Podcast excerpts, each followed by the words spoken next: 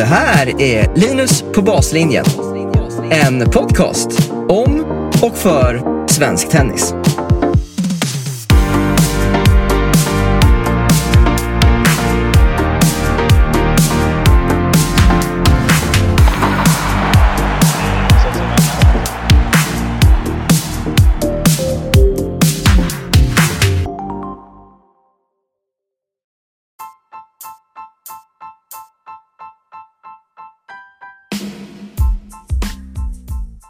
Helt ofattbart så har du slagit på ett nytt avsnitt av Linus på baslinjen podcast. Idag har vi David Gustafsson, klubbchef i Fairplay Tennisklubb, som gäst.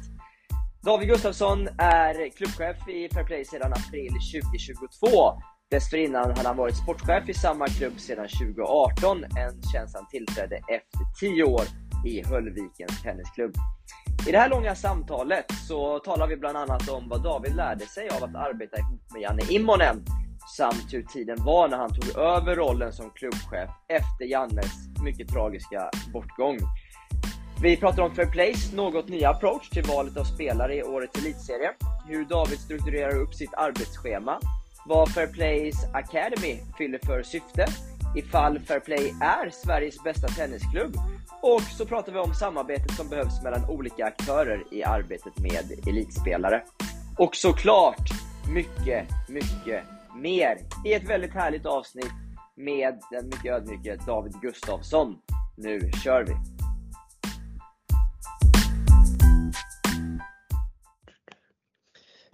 Då sitter jag här med David Gustafsson. Välkommen till podcasten David! Tack så mycket!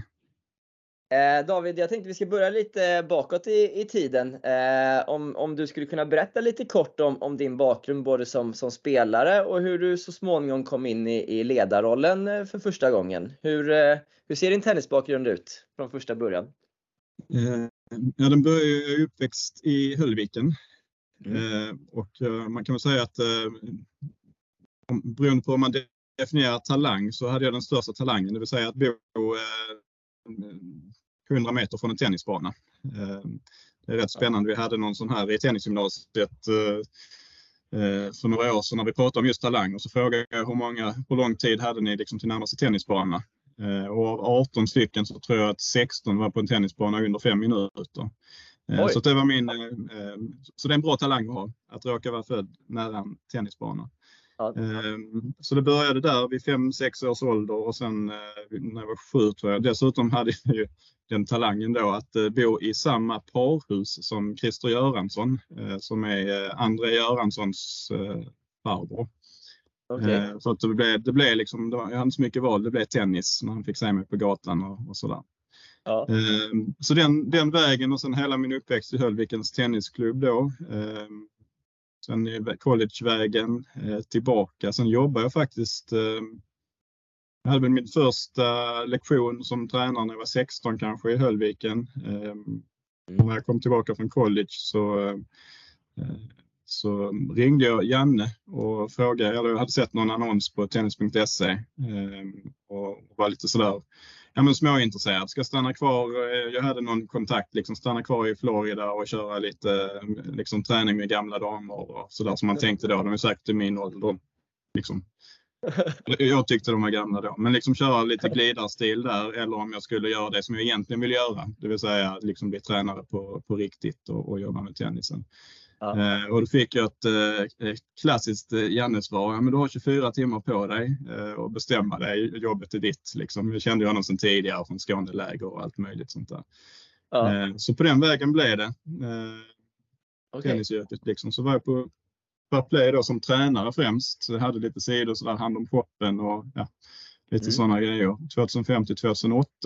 Eh, och sen ringde Höllviken då och, och då behövde de en, en klubbchef eller en konsulent eller sportchef eller i mindre klubbar så är man ju allt. Liksom. Ja, jag eh, tänkte så, säga det.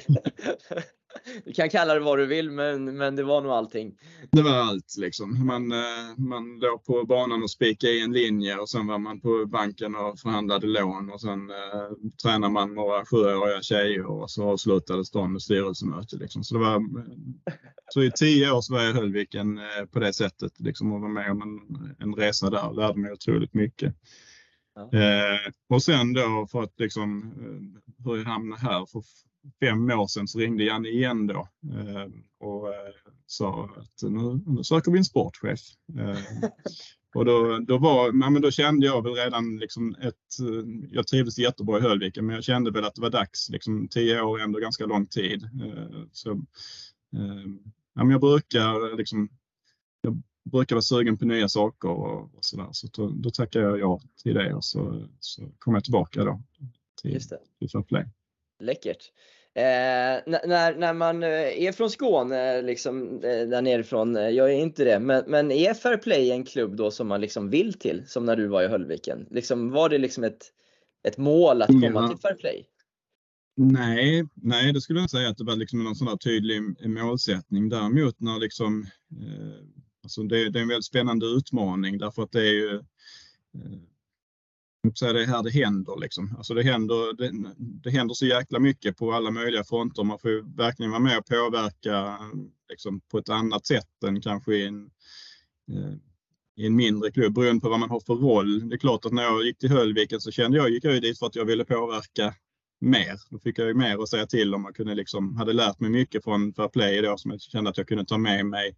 Och sen göra som jag egentligen har gjort hela livet. Att man, man stjäler det man tycker är bra och sen så bryr man sig inte om det som man inte tror skulle passa. Liksom. Så att jag, är, jag, är, jag tror att jag är en ganska bra tjuv av, av kunskap. Liksom. Det är en bra egenskap. Eh, ja, ja men jag tror det. Så, men, men för att svara på din fråga, det var, det var inte så liksom, uttalat att jag ska eh, tillbaka till Fairplay. Däremot så hade jag en väldigt god relation med både med Janne och, och liksom hela hela klubben. Så att när jag lämnade så var det ju, var det ju verkligen så att nej, men, eh, vi kanske ses igen någon gång. Liksom. Mm, eh, mm. Men, men, just då fanns inte de möjligheterna för mig liksom, att ta nästa steg på, som jag ville på, på Fairplay just 2008 när jag lämnade. Liksom. Ja, just det, just det. Vad, vad, under de här åren i Höllviken och de tio åren, vilka var de viktigaste bitarna du lärde dig och växte in i då som du hade nytta av sen som sportchef i Fairplay? Um, Nej, men först så, var, så tog jag ju då med mig liksom mycket av, som jag tror jag kunde liksom implementera i Höllviken just när, liksom, i en större klubb där man mer eller mindre är tvungen eh, att vara väldigt liksom, strukturerad och organiserad och, och liksom se, se till så att alla olika delar fungerar. Jag var nog ganska, ganska nyfiken, alltså kombinationen av att eh, av att Janne då hade, hade mycket kunskap och erfarenhet och att jag var väldigt nyfiken och frågade mycket och sådär. Det var nog en rätt bra, liksom, det var en bra relation, det var en bra, ett bra utbyte att ha där. Um, sen när jag kom till Höllviken så först så, så försökte man implementera lite sådana grejer men sen, eh, sen efter ett tag så måste du ju utveckla också. Det, det är ju liksom att hitta, hitta, nya, hitta nya vägar och se till så att klubben går framåt och så vidare. Och och det jag lärde mig liksom i Höllviken mycket var ju just det här som jag sa att det var, det var en sån bredd på olika uppgifter så att man var ju tvungen att bli lite bättre på det som man inte var så bra på. Eh, och, och det var ganska mycket som var nytt och, och liksom, man kände ju varenda liksom, millimeter av verksamheten medan man var där eftersom man var lite överallt. Eh, ja. Så att säga.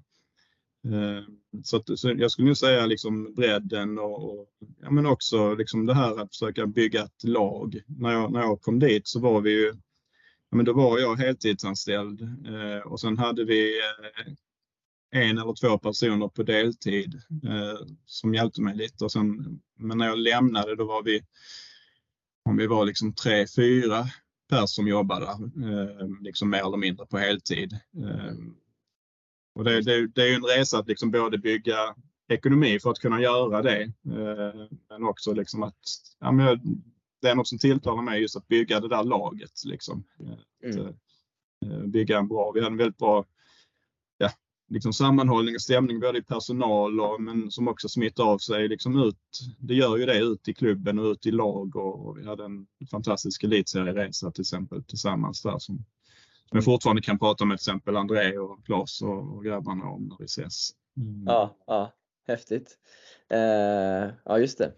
Eh, jag menar, det, finns ju eh, såklart möjligheter på ett annat sätt i en klubb som Fairplay än i en eh, mindre klubb som Höllviken. Men, men jag tänker att vissa saker kan ju också bli mer jag kan tänka mig bara mer genuina än mindre klubb. Man, man kanske på något sätt eh, ja, men det kan ju bli en, en annan typ av klubbkänsla liksom i en mindre förening oavsett vilken det är. Eh, är, är det något du kan liksom sakna ibland? Eller känner du att det finns på samma sätt i mm. Fairplay också? Ja, nej, men man kan väl säga som så att ju större föreningen är ju, ju mindre självklart blir det att alltså det blir svårare att, att kanske bygga en eh, klubbkänsla. Man måste vara mer, även där mer strukturerad i att liksom eh, skapa ett vi eller, eller sådär. Eh, och det var väl kanske det som var då, om man tittar på, om jag, medan jag var i Höllviken, nu hade jag ju varit i, i Fairplay i, i tre år, men det hände ju ganska mycket på Fairplay mellan 2008 och 2018 kan man ju, kan man ju lugnt säga. Liksom. Eh, och min, min bild av Fairplay då, även om jag hade kontakt med både med Janne och andra kollegor och samarbeten och, och sådär, Höllviken och Fairplay emellan, min bild var väl ändå att ja, men, väldigt proffsig klubb, väl organiserad, liksom en, vad ska man säga, en jätte i regionen. Eh, och när jag gick in i detta då så kände jag att ja, men, det finns en förväntan om att prestera. Alltså lite olikt kanske en, en lite mindre klubb på så sätt. Och jag var förberedd på att liksom, ja, men kanske ett lite tuffare klimat.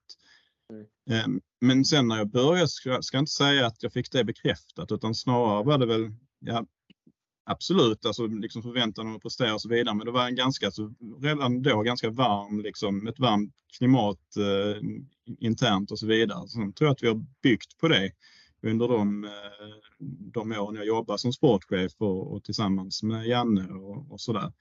Eh, och visst, det är, det är en större utmaning att bygga den där känslan. Den kommer inte av sig själv, men jag tror att eh, jag, jag, känner ändå att liksom, det går. Eh, men, men man får väl, ja, man får jobba med det på ett mer strukturerat sätt än att eftersom du, du har inte den här liksom, jag känner ju inte igen ansiktet på alla medlemmar liksom.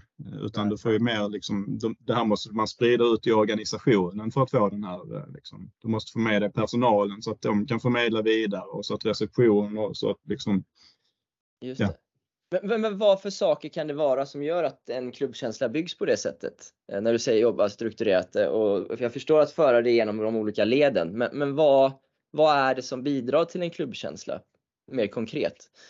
Mm, nej, men jag tror att eh, dels liksom att, att ja, men det får ju börja inifrån så att säga. Alltså, tänker jag i personal eh, och så vidare. Och när man Ja, men det, det, är ju allting från liksom ett, att liksom skapa ett schema för sociala aktiviteter, att försöka liksom, eh, eh, ja, men liksom strukturerat jobba med, vi jobbar med medlemsenkäter till exempel och det kan man göra och ha, ha liksom, eh, snygga visioner och värdeord och så vidare. Men att, men att också liksom, att inte bara slänga ut en enkät eller få ett liksom ett klagomål eller vad det nu kan vara utan att faktiskt liksom svara på, på de här idéerna och på, på synpunkterna och, och känna att liksom, ja, men det, det, är inte vi och dem. Liksom. Det, är inte, det är inte de uppe på kontoret som, som man ibland sa liksom, och så är det vi här tränare på banan. Liksom, utan att det, det faktiskt är ett, ett vi, liksom, att försöka göra det lite kortare till,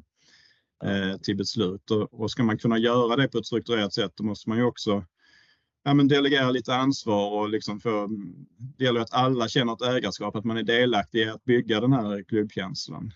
Ja. Så att säga.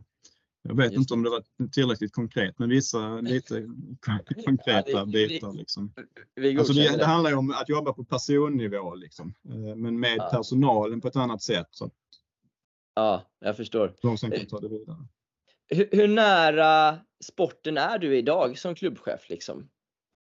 Ehm, ja, men jag är ju inte, jag brukar säga det att jag har, jag har lite, jag har typ två timmar på banan i snitt på min fritid. Nej men så liksom, om man, beroende på hur man definierar en arbetsvecka. Det är inte så att jag i mitt avtal ska stå på banan men, men jag tycker det är roligt så att jag kör ett pass med gymnasiet liksom och så med någon sponsor. Eh, lite sådär. Så att eh, nära sporten på så sätt eh, är jag ju inte men jag är ju bara ett led ifrån. Eh, så att säga. Jag har ju min, eh, Stefan då som är sportchef är ju min eh, kontaktyta mot sporten.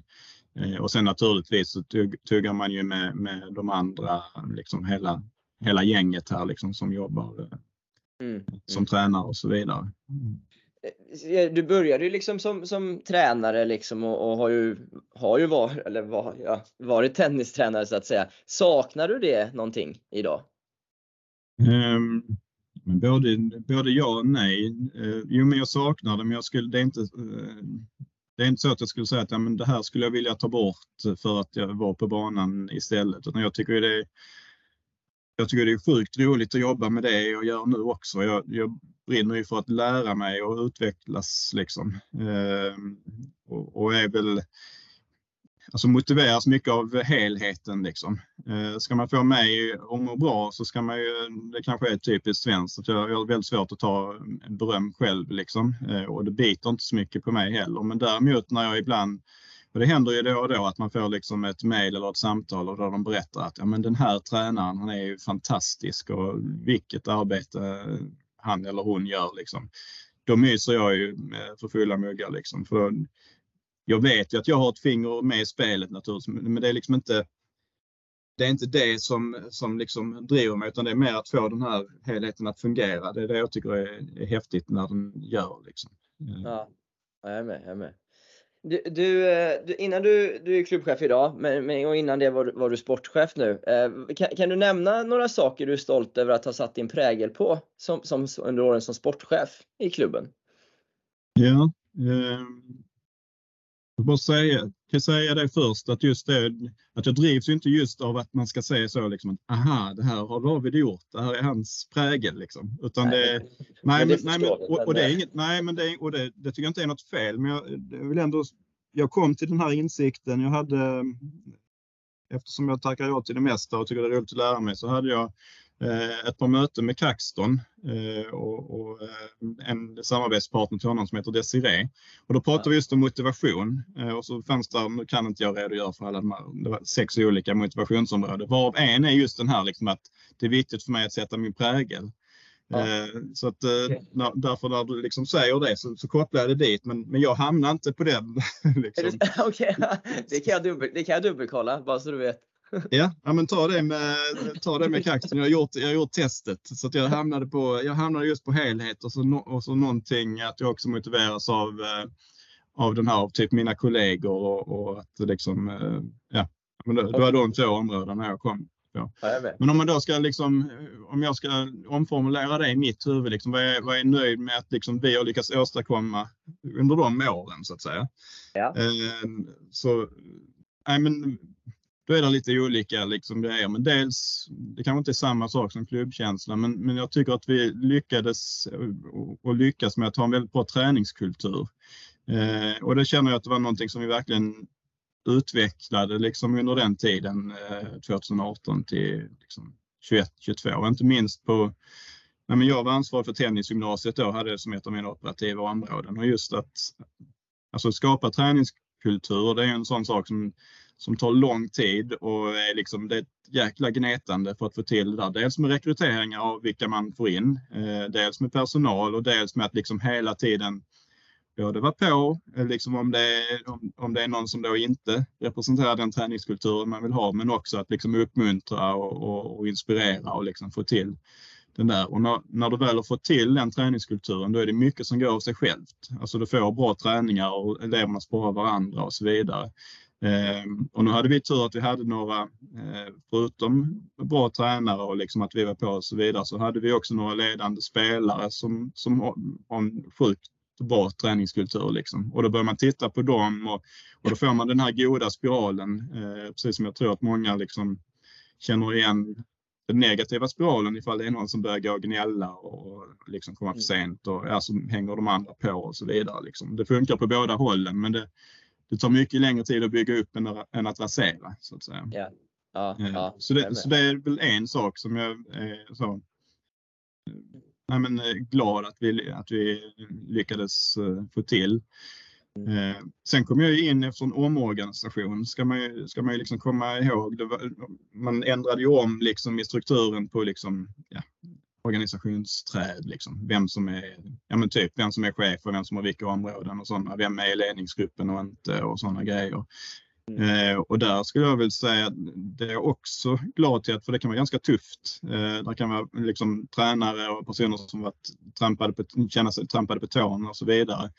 Men där tycker jag att det var ett bra kvitto både för mig och för Janne, men kanske framför allt för alla medarbetare att liksom att den, den så blev det inte, utan vi fick liksom ett ganska snabbt ett rätt bra liksom eh, vi tillsammans. Det blev inte liksom den där nya sportchefen och, eller liksom de på kontoret som jag sa, utan att det fick vi också till ja. bra.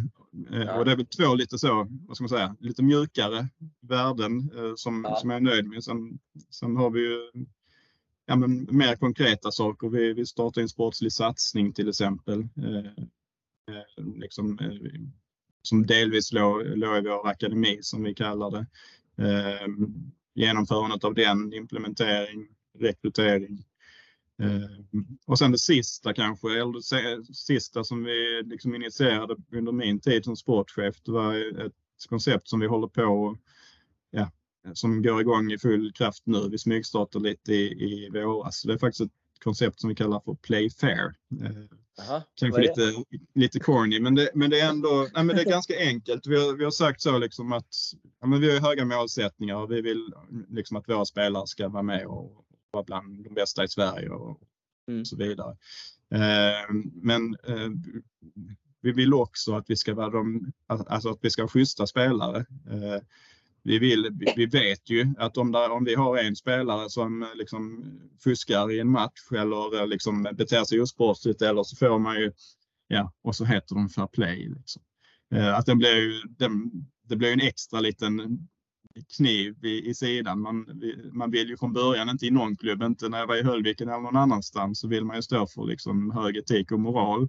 Ja. Men, eh, men så då funderar vi på vad kan vi göra kring detta? Eh, och det är ganska enkelt egentligen. Vi har, eh, dels så är det Stefan då som är sportchef som kontinuerligt ringer till tävlingarna. Då brukar det vara så att tävlingarna ringer till klubbarna. Ja, nu är det någon som inte har skött sig liksom. och så får man det. Eh, så har vi tänkt att ja, men vi vänder på det, att vi ringer och hör hur har våra spelare skött sig? Eh, okay. Så att ja. man ligger liksom steget före eh, och kan, kan ta de här samtalen kanske innan, kanske fångar det där lite snabbare. Och, men också att det kan vara att man kan ge liksom positiv feedback. Att, ja, men, vi det schyssta spelare. Men, men har, ni upp, har ni upplevt det som ett problem tidigare?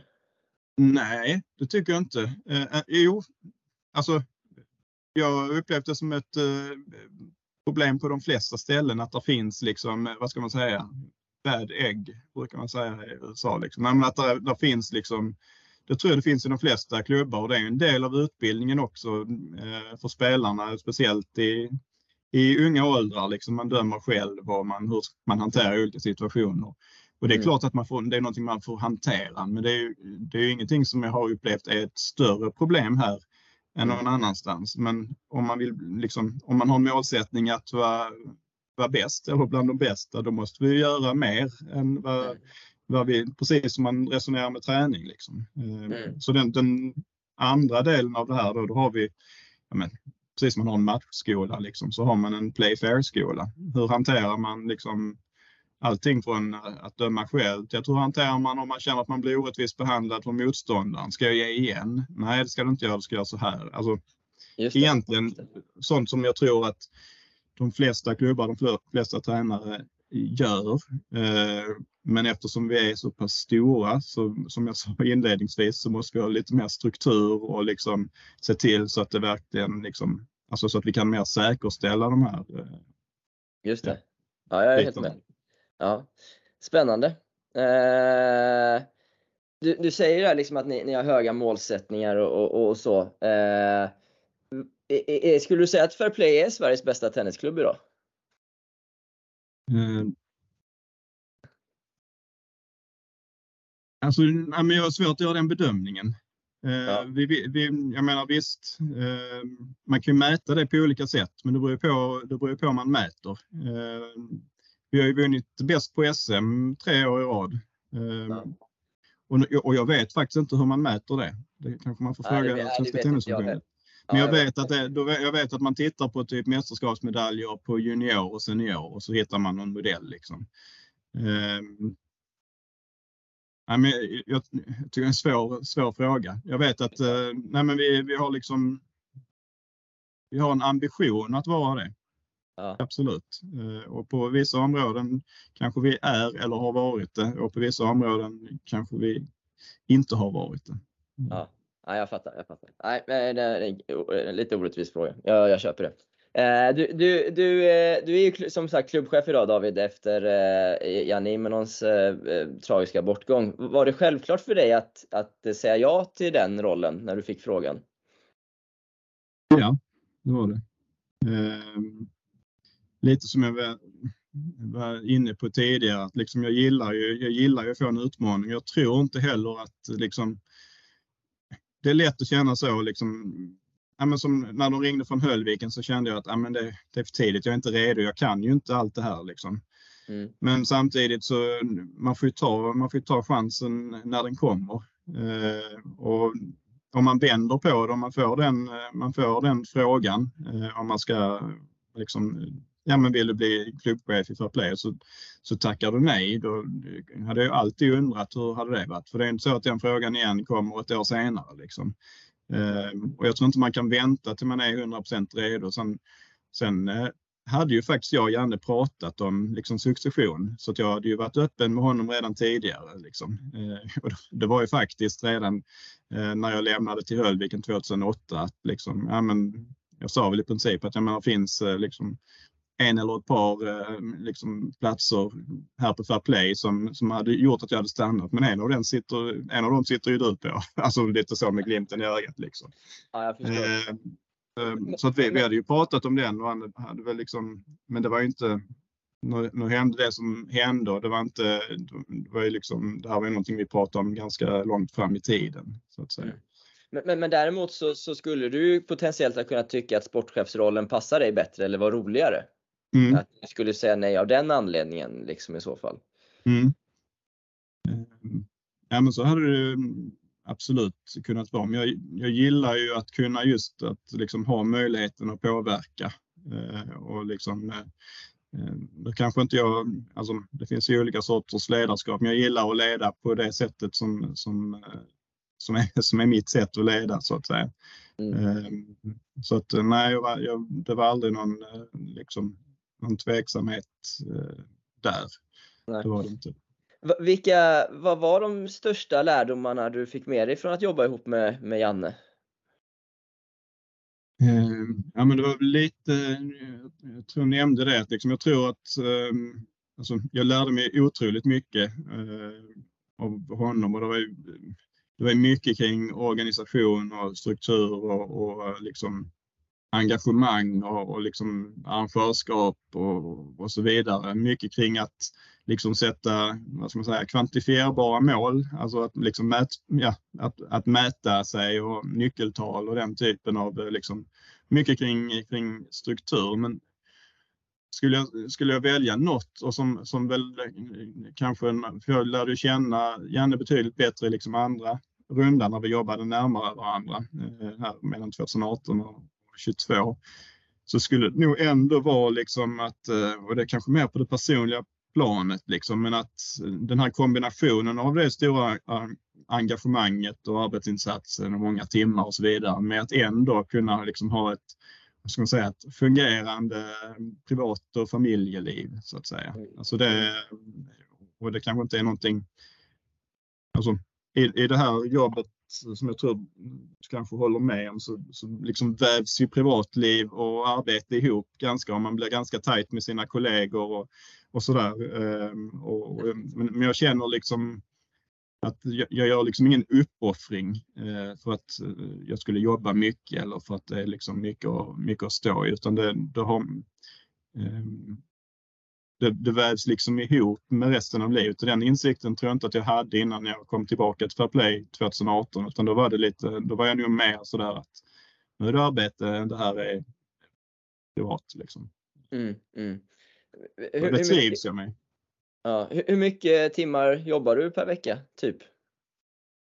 Um, jag har ju jag har laddat ner en app för att, för att hålla koll på det, inte för att överhuvudtaget liksom Aha. är reglerat i något avtal eller sådär. Men det är väl mer för att liksom hålla koll på så att det inte... Eh, nej, men så man inte går in i väggen. Alltså, även, när, även, när det, även när det är roligt så, så kan, man, kan det ju bli för mycket. Eh, och då, ja. eh, det är ju ingen som tjänar på det ifall det skulle bli liksom... Så man får ju vara noga med signaler och sånt. Men.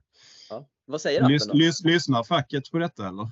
Det är nog mer än vad, det är nog mer än vad man får. Men eftersom... Alla eh, lyssnar efter, David, alla lyssnar. Ja. Nej, men liksom en, en normal vecka kanske 50-55 timmar. Alltså okej, okej, okej. Jag är med. Sen är det uh, toppar och, och, jag är nog aldrig nere på 40. Men, men sen samtidigt så har jag ju valt liksom en, en ganska så eh, heter det, fluent. Liksom. Ibland är det svårt att avgöra om man jobbar eller om man är ledig. Ja, jag förstår. Eh, med, med, när, när, du tillträdde som, som klubbchef där i den vevan, eh, det, eftersom det inte blev någon, någon, ska man säga, någon, någon eh, naturlig övergång eller överföring. Liksom, överlämning. Liksom. Överlämning säger man, exakt. Var det svårt att sätta sig in i allt? För alla har ju liksom lite sina sätt att jobba på såklart. Även om mycket är dokumenterat och så vidare så, så är ju kanske inte allt det. Hur var den tiden när du, när du tog över där? Men det, kan, det ska jag inte sticka under stol men det var ju sjukt utmanande. Alltså något sånt kommer jag nog inte uppleva igen. Eh, men samtidigt så förstod ju alla att det var sjukt utmanande. Så att du hade ju liksom en eh, liksom väldigt eh, förlåtande och förstående attityd från alla. Liksom. Alltså mm. hela tennis-Sverige, hela klubben gick ju samman något enormt liksom från styrelse, från kollegor och liksom. Eh, ja, men det var ju många kollegor som jag sa till att ja, men nu eh, liksom, den rollen som jag, för då, under en period där så var jag klubbchef, sportchef och jag tror tävlingsansvarig också. Eh, för att vi, ja, det var en övergång där liksom. Och då fick man ju säga till liksom att nej men jag kommer inte kunna vara där och blir det fel inom ditt område nu så blir det, du får köra själv liksom. Ja, ja. Alltså att man fick ge betydligt mer ägarskap liksom för att och vi satte oss och gjorde naturligtvis eh, krisplaner och så vidare. Men, eh, för att liksom se de största riskerna under den här perioden. Och som, och som alltid eh, i en kris så är den största risken i en kris att det kommer en ny kris. Eh, så det var liksom mycket, alltså, ja. vad hade hänt om jag hade gått in i väggen då under den tiden? Så sånt fick man också ja. hens jag lärde ner en app för att kolla så att inte jag liksom helt... Eh, du, du kör med Ja, ja, precis. Nej, men, eh, nej, men, så att, men jag, samtidigt så lärde jag mig otroligt mycket under den tiden som, eh, som kanske egentligen inte hade specifikt med jobbet att göra utan mer hur jag ska liksom strukturera upp mig själv och min egen tid. Och jag har ju, jag är ganska, alltså, så ganska mycket regler för mig själv i mitt arbete, liksom hur jag ska jobba, när jag ska. Det är till exempel ingen eh, tillfällighet att nu när vi sitter och spelar in det här så är detta på en eftermiddag. På förmiddagen så har jag då liksom eh, det jag kallar, eller så, när man läser om det, deep work. Det låter så sjukt seriöst. Men liksom sådana, då, då kör jag kör ju aldrig, många börjar med att sätta sig och jag tar mailen först. Så den, eh, liksom, den tar jag ju sist till exempel. Och då har jag gjort liksom lite olika sådana okay. regler för hur jag ska strukturera upp min tid. För när, för när man har så många uppgifter som jag hade då så var det, det var så uppenbart att det spelar ingen roll, jag kan jobba 24-7, kommer aldrig bli klar med alla de här uppgifterna. Så du måste välja och du måste prioritera eh, ja. liksom, bland det här. Eh, och då gäller det att välja rätt. Liksom. Och okay. hur kan jag strukturera upp mina uppgifter för att liksom, göra rätt val då? Spännande. Jag förstår. Att, eh, så det, ja, det tycker jag också. Det, ja. Så det var, det var liksom sjukt utvecklande eh, och det har jag väldigt mycket eh, användning för nu och det är också någonting jag har försökt liksom förmedla ut eh, i, i organisationen till andra som jobbar administrativt. Eh, liksom, om de kan sno någonting från mig då. Liksom. Ja, just det. Så, så, alla svarar på mejlen på eftermiddagen i Fairplay? Är det så? Nej, det kan ju vara olika när man är liksom, eh, men du ska ju ha, du ska ju vara som mest, vad ska man säga, du ska ju vara som piggast och som mest på det när du ska göra de tyngsta uppgifterna. Ja, och det kan, det kan ju se olika ut för olika personer, men du ska ju, det är ju värdelöst att, eh, liksom, att ha hela dagen uppkopplad. Liksom. Ett möte 9 till 10, sen har du 15 minuter till att göra deep work då och sen så har du ett nytt möte 10.30 och sen så, alltså, du behöver liksom skapa nästan möten med dig själv för att få saker gjort. Liksom. Ja, jag fattar, jag fattar. Okej, okay, okej. Okay. Ja, jag är med, jag är med. Eh, om, om vi går in lite, lite på Fairplays eh, verksamhet och så då. Vad, vad, eh, vad, känner du att ni, eh, var finns den största utvecklingspotentialen hos Fairplay idag skulle du säga? Vilka områden jobbar ni för att utveckla ytterligare för att ta nästa steg? Mm. Eh, nej, men vi har väl vi har en verksamhetsplan som vi följer, men just nu det vi fokuserar på, det som vi också har liksom utifrån, eh, som jag sa, enkäter och mät, vi mäter ju liksom mellan 40 och 50 KPI som vi, som vi kan se på olika sätt inom olika områden. Och med, med bakgrund av det då så det vi fokuserar mycket på just nu, det är väl egentligen två områden. Eh, den ena rör ju eh, liksom sporten direkt, öka kvaliteten på, på all träning, eh, öka kvaliteten på alltså kommunikation och administration kring träning och, och liksom hela den hanteringen så att säga. Så att egentligen alla de sakerna ska ju mynna ut i liksom en bättre upplevelse för, för våra medlemmar så att säga.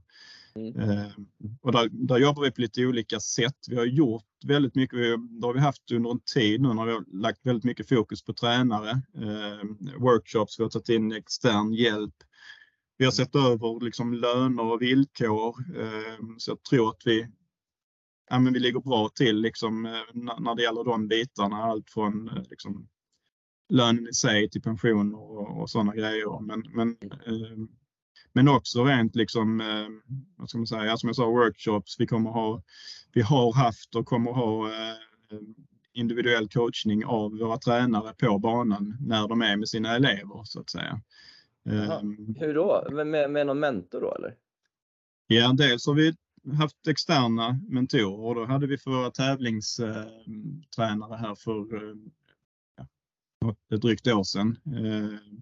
Ehm, där jag själv var med i början tills jag bytade roll. Liksom. Ja. Um, och då är det liksom en kombination av workshop till att det är, där någon som sitter och tittar på dig. Liksom. Uh, ja. Och så kommer med förslag. Och, det, och jag menar, då har vi ju väldigt duktiga, erfarna tränare. Men, men uh, jag tror ju att hade du stått bredvid mig när jag är tränare så hade du säkert kunnat komma med, med liksom input att ja, men det här gör det jäkligt bra. Här säger jag att eleverna svarar, men det här kanske liksom, hade jag, så här hade jag gjort eller det här kanske mm. man skulle tänka på. Är man tillräckligt säker i sig själv som tränare så, så uppskattar man ju det. Det är, det är en chans att utvecklas. Ehm, och är man inte så säker i sig själv måste det vara otroligt jobbigt. Ja, men du är, å andra sidan så är det ju, där är någon som står och tittar på dig eh, varenda gång du har träning. Det är föräldrarna. Det är bättre för feedbacken från någon som som har kanske utbildning och, och liksom erfarenhet som tränare. Ja, eh, så att, så att jag, jag, tror att det handlar mycket om pedagogik där också. Att det här gör vi för att, igen, för att vi ska bli bättre tillsammans. Det är inte så att vi singlar ut liksom, den svagaste tränaren eller att det är bara den bästa tränaren som får det här. Utan detta är ju någonting vi gör för att, eh, för att liksom förbättra oss så att säga.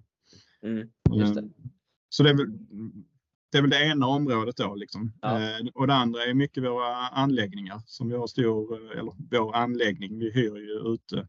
Eh, men den vill vi också utveckla. Men, men där har vi, har vi gjort och gör väldigt mycket just nu faktiskt. Man kan, så man kan se liksom tafatt att eh, eh, ja, men vi har ju byggt en läktare nu till exempel i, i början på hösten in, i vår bana 5 för de som känner till vår anläggning. Vi har öppnat upp med liksom glasväggar istället för eh, de här vad kallar man det, de här sargerna eh, ut mot banorna. Eh, vi ändrar möbler, vi har eh, den här läktaren är förresten, kommer få namn efter, efter Janne så han kommer få en, liksom, okay. en minnesplats i, i, i hallen.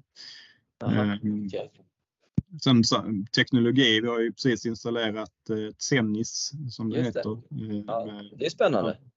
Ja, det är väldigt spännande. Tycker jag själv är kul de få timmarna jag är nere och Ja, då kan du ladda ner en till app kanske? Den är redan nedladdad. ja, jag är inte så insatt i det där, men det känns som ett rätt spännande program faktiskt. Ja, men det är det. Det är det verkligen. Ja, ja läckert. Det händer grejer då. Eh, helt klart. Det händer och, alltid något. Och, och, om man pratar spelarutveckling David, hur, hur starka är Fairplay eh, Eh, liksom när det gäller just spelarutveckling upp mot tävlingshållet om vi tar den inriktningen? Vad, vad, vad är din reflektion där? Ja, men eh, min reflektion är väl att vi, att vi vill bli bättre. Eh, vi har ju, det är en av anledningarna, en del i den här sportsliga satsningen som jag nämnde innan. En, en del är ju de här, liksom, att vi har utökat i akademin och att vi åker internationellt och sådana grejer. Men den andra delen är ju faktiskt att vi, att vi har lagt liksom mer tränarresurser och utökat liksom, antalet som kan, i liksom, vad ska man säga, utvecklingsgrupper så att säga. Mm. Ehm, så att eh, där kan vi definitivt bli bättre. Ehm, sen är det ju så att så igen, det beror på vad man har för, för mål och hur man mäter. Vi är ju 13-1400 elever i, i träning liksom hos oss i vår tennisskola. Mm. Och skulle man liksom bara dra de antalen rakt av och jämföra med en, liksom, vad ska man säga, en mellanstor eller en normalstor klubb så skulle man ju ha flera hundra i tävlingsgruppen mm. här. Det har vi inte möjlighet till. Ehm, då, eh, det, är, eller det är inte vår, mål, vår målsättning i alla fall att, att vara så många för då tror jag att det blir svårt att bibehålla kvalitet så att säga. Mm. Eh, men vi vill ju vara en klubb som både kan utveckla spelare eh, själva från liksom minitennis och upp till elit eh, och kunna ta emot spelare som kanske ja, men blir ensamma efter, liksom någonstans på vägen i, i sin förening. Jag tänker rent liksom sparringmässigt och, och liksom, mm. ja. Just det. Så att, så att liksom vi vill inte jag tror att vi, eller vi bör vara, kunna ta det ansvaret att liksom kunna ta hela vägen. Mm.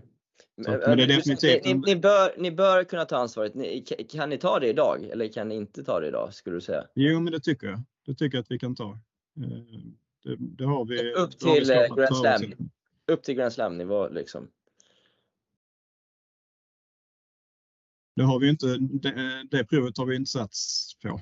Alltså det är svårt Nej. att skapa en struktur för, eh, för Grand Slam om du inte har liksom eh, det krävs, det krävs ju ganska mycket, liksom det sista steget. Så tar du en spelare som är 200. Eh, mm. jag tror inte vi, ja, men säg så här, vi kan inte, jag tror inte vi ensamma kan ta det, men vi kan definitivt vara med och facilitera liksom en, sån, en sån satsning. Eh, som vi har liksom ett, ja, några spelare som, som vi tror har potential att nå dit, antingen på junior. Där har vi ju någon som men William kommer väl spela Grand Slam här nu. Eh, som, där vi, där vi liksom är en spelare i, i det så att säga av Va, men, flera aktörer. Ja precis. Va, va, vad tänker du kring det liksom? För det är ju ganska vanligt och, och att liksom det är flera aktörer inblandade. Eh, känns det liksom som en väg som är nödvändig att gå även för en klubb som Fairplay liksom att man man har flera aktörer inblandade. Att klubben kanske inte kan ta hela ansvaret men att de lägger sin träning eller resor med andra aktörer också. Eh, tror du att det är framtiden för svensk tennis eller ska liksom en hel satsning kunna vara på fair play eller på SALK eller vad det nu kan vara? Hur tror du det kommer se ut i framtiden där? Mm. Nej, men jag, jag, tror att det kommer, eh, och det tror jag att vi kan redan idag, att man kan liksom ta eh, vad ska man säga, taktpinnen eller huvudansvaret eh, för en spelare. Men det innebär ju inte att, att du måste göra allting själv. Utan eh, där måste ju finnas, där måste ju finnas någon som liksom har, har taktpinnen. Men sen, sen liksom när det kommer eh, till liksom idrottspsykologi eller nutritionister eller fystränare liksom, eller skaderehabiliterare eller liksom alla de här stödfunktionerna så att säga ja men där gäller det ju att ha ett brett kontaktnät och veta att ja men eh, liksom Linus, nu, behöver, nu ser vi att du behöver jobba på, på din nutrition. Liksom. Det kanske är ett känsligt ämne för, för, att uttrycka det så. Nej, men ja, då, då, har vi liksom en eh, nutritionist som du via Malmö idrottsakademi som, som vi kan se till så att du kommer till. Och det här är liksom top of the line i SOK och, och så vidare. Ja. Ehm, och så, så, så, jag tror att liksom men samarbete och prestigelöshet liksom mellan olika aktörer, mellan olika klubbar, akademier. Det tror jag är framtidens melodi. Eh, sen, sen tror jag inte att man bara liksom, eh, jag tror ändå att du måste ha en ägare och att det är tydligt. Eh, ja. Och, och, där kan Fairplay vara ägaren, men vi kan också vara en av liksom, facilitörerna, om man ska kalla det. Okej, okay, okej. Okay. Eh, om, om vi tar er akademi som, som ni har, Swedish Tennis Academy, vad, vad, är, vad är syftet med den akademin? Eh, ja, men jag skulle säga så att det att, att det ska finnas ett alternativ eh, för de som liksom vill göra lite mer och alltså vill satsa på sin tennis fullt ut. Eh, mm. Alltså att, att det ska finnas ett alternativ för, för kanske de som inte väljer college, eh, som vill satsa på heltid eller de som kommer hem från college eh, och vill, vill satsa på heltid. Eh, helt enkelt liksom ett alternativ, en, en träningsbas för någon som liksom har internationella mål. Eh, mm. Antingen som senior eller som junior. Okej. Okay. Har, eh, har akademin eh, fallit ut på det sättet som ni tänkte er från början med den?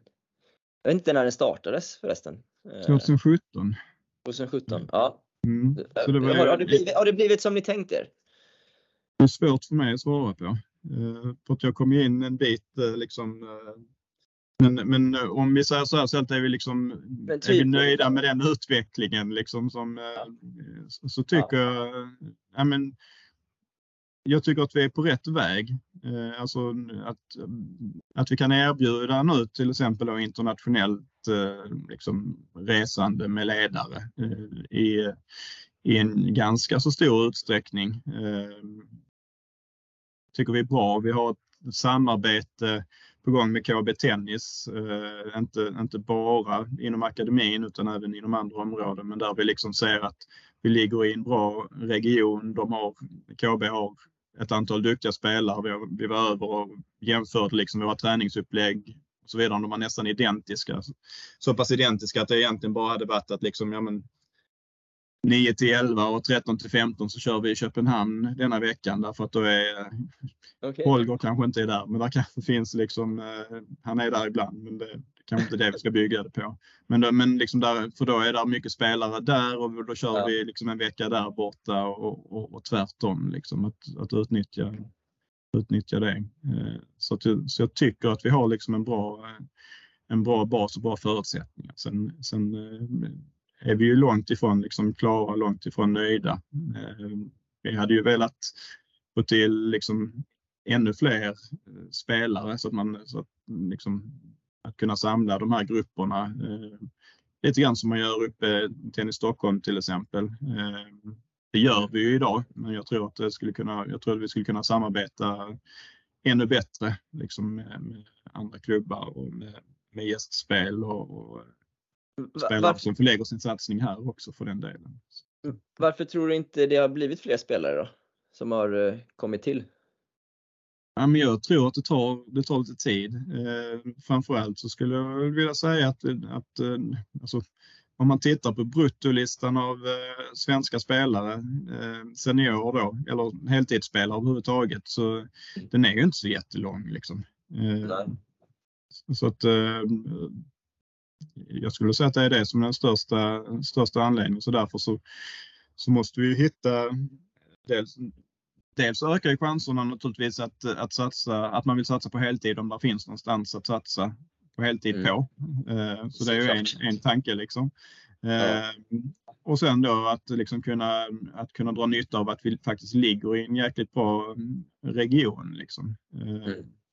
Och sen liksom sätta lite eh, ramar och kanske eh, få hit spelare utifrån som eh, där vi har haft intresse från, liksom, nej men från, från utländska spelare som är beredda att komma hit och, och köra en vecka så att säga på, och betala för sig. Just det. Och, och kan man få, få snurr på en sån så kommer det, kommer det gynna våra svenska spelare ja. också, eller de spelarna som ligger här eh, som är ja. runt. Men, men är det svenska spelare ni helst vill ha liksom på akademin eller är det även internationella spelare som ni skulle vilja ha dit fulltid? Är... Men det, om, om man uttrycker det så som du gjorde så är det ju främst svenska spelare, absolut. Ja. Men det är, fram, det är främst spelare som, eh, som, som vill ha detta som bas så att säga. Alltså, det, är, det är där vi vill, vill bygga ifrån. Men, men absolut, vi, vi, vill ju, vi vill ju vara med och bygga, bygga svensk tennis. Liksom. Mm. Men det, utan att exkludera. Liksom. Eh, vi tror att det här utbytet, om man skulle vara ett par danska spelare eller eh, någon annanstans eh, ifrån för den delen också, så, så ser vi ju det som ett mervärde. Men, men vi är ju inte kanske intresserade av att bara vara liksom bara ha utländska spelare som kör. Nej, jag förstår. Eh, jag med. Hur, hur, mycket, hur mycket åker, hur mycket, eh, de spelarna som är fulltid på akademin, hur mycket, hur många veckor har de en ledare med sig utomlands i, nu mera? Eh, ja, men förra verksamhetsåret, och, eh, vi har ju så första juli till sista juni, men då var vi ute, eh, jag tror drygt 20 veckor totalt på internationella mm, liksom, eh, tävlingsveckor. Eh, och av dem så var väl ungefär hälften junior och hälften, eh, hälften senior. Alltså Just det. World Tennis Tour och, och, och sådär. Eh, och vi har väl sagt liksom 12-12 är väl något slags riktmärke. Men sen är det ju ganska nytt den här satsningen. Vi, kan ju, vi måste ju titta på vad, vad, vad behovet är eller vad, vad man ja. önskar. Då landar vi där strax över 20 förra året. Men om vi säger, om vi säger 12-12 då på seniorer och juniorer, då betyder det 3-4 veckor per spelare liksom typ per år då eller? Om man Ja, men det beror lite på hur man kan, eh, hur man kan samköra det där liksom. Ja. Eh, alltså hur många som kan åka, till, det beror på vilka nivåer man ligger på och så vidare. Hur många kan åka till samma tävlingar och sådana grejer. Sen, sen utöver det så har vi de svenska eh, tävlingarna så att säga. Men det är ofta men, där, det, blir, det, blir där det blir svårt med seniorer ju. För jag menar, mm. en senior kanske behöver en, en coach 15-20 veckor utifrån sitt eget schema. Eh, mm. För att nå Grand Slam som kanske var ett av Fair Plays mål i längden då. Eh, mm. Det, det, är en bit bort ändå. Om man tänker så, eller?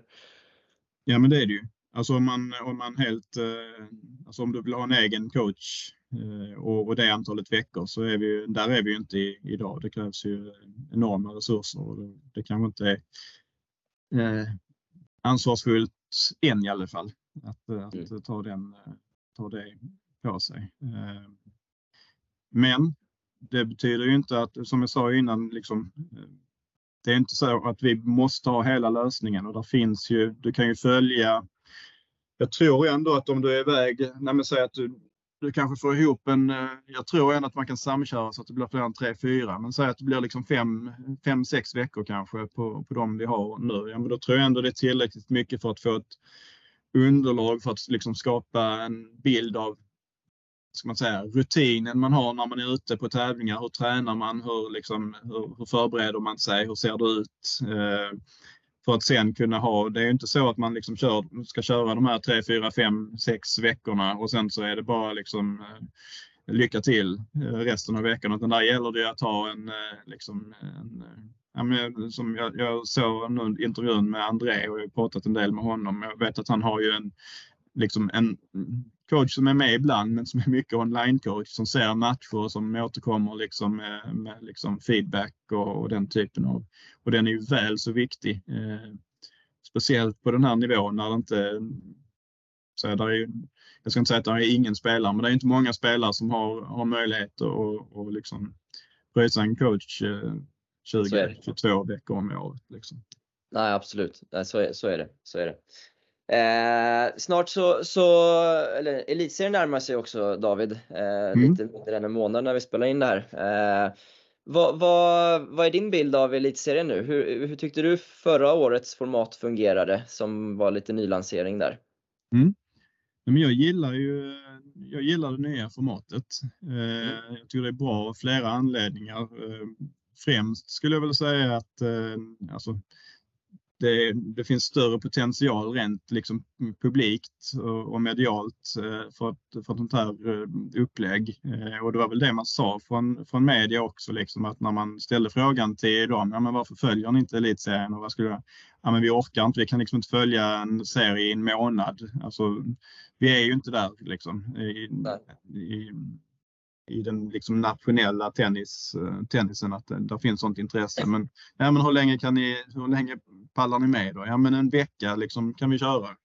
Ja. Ehm, och då tror jag att det här formatet är bra också. Det är fortfarande, det är, det är fortfarande sjukt långt om man ska säga det som ett idrottsevenemang, även om man har kortat ner det och fokuserat och så vidare. Liksom. Men, men det är ju ändå, jag tar, en, tar det fyra timmar en, en elitseriematch. Liksom.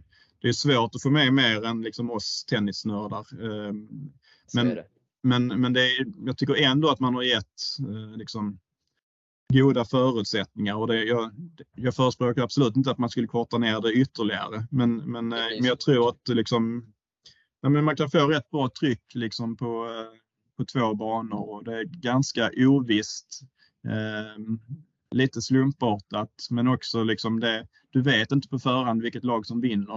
Eh, vilket jag tycker är, är väldigt bra. Det kanske inte gynnar oss eh, om man förutsätter att vi skulle fortsatt eh, liksom på samma sätt som tidigare i det gamla formatet. Eh, men, eh, men det är också det jag gillar. Liksom. Jag tror en av våra lagledare efter liksom någon förlust eller var lite frustrerad kom till mig och sa att ja, men det här, den här matchen hade vi inte förlorat annars. Och sånt, det nya formatet. Och så, ja, men det är precis, då sa jag faktiskt det, det är precis det jag gillar att vi faktiskt kan förlora. Nej, men liksom, att det är inte och, och, vi är väl kanske inne i, det kanske är nästa steg i, i vår utveckling, att vi gör lite annorlunda här. Vi, till exempel för eh, begränsningen av antalet utländska spelare. Det, var ju, det hade vi ju med i ett förslag som faktiskt skickades in till förbundet tillsammans med ett par andra klubbar ett par för, år före det här mm. förslaget som gick igenom. Okej, okay. just det. Däremot så tror jag inte på noll. För jag tror att vi behöver den kvalitetssäkringen liksom, eller den kryddan.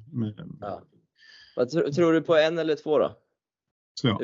I, I det formatet som är nu. Inte två i singel för då blir det liksom, eh, då kan du fortfarande bara ta in de två bästa utländska spelarna och, så, och, och sopa hem det. Liksom. Men, eh, men en i singel och en i dubbel och sen eh, i golden så är det samma sak som gäller där, en.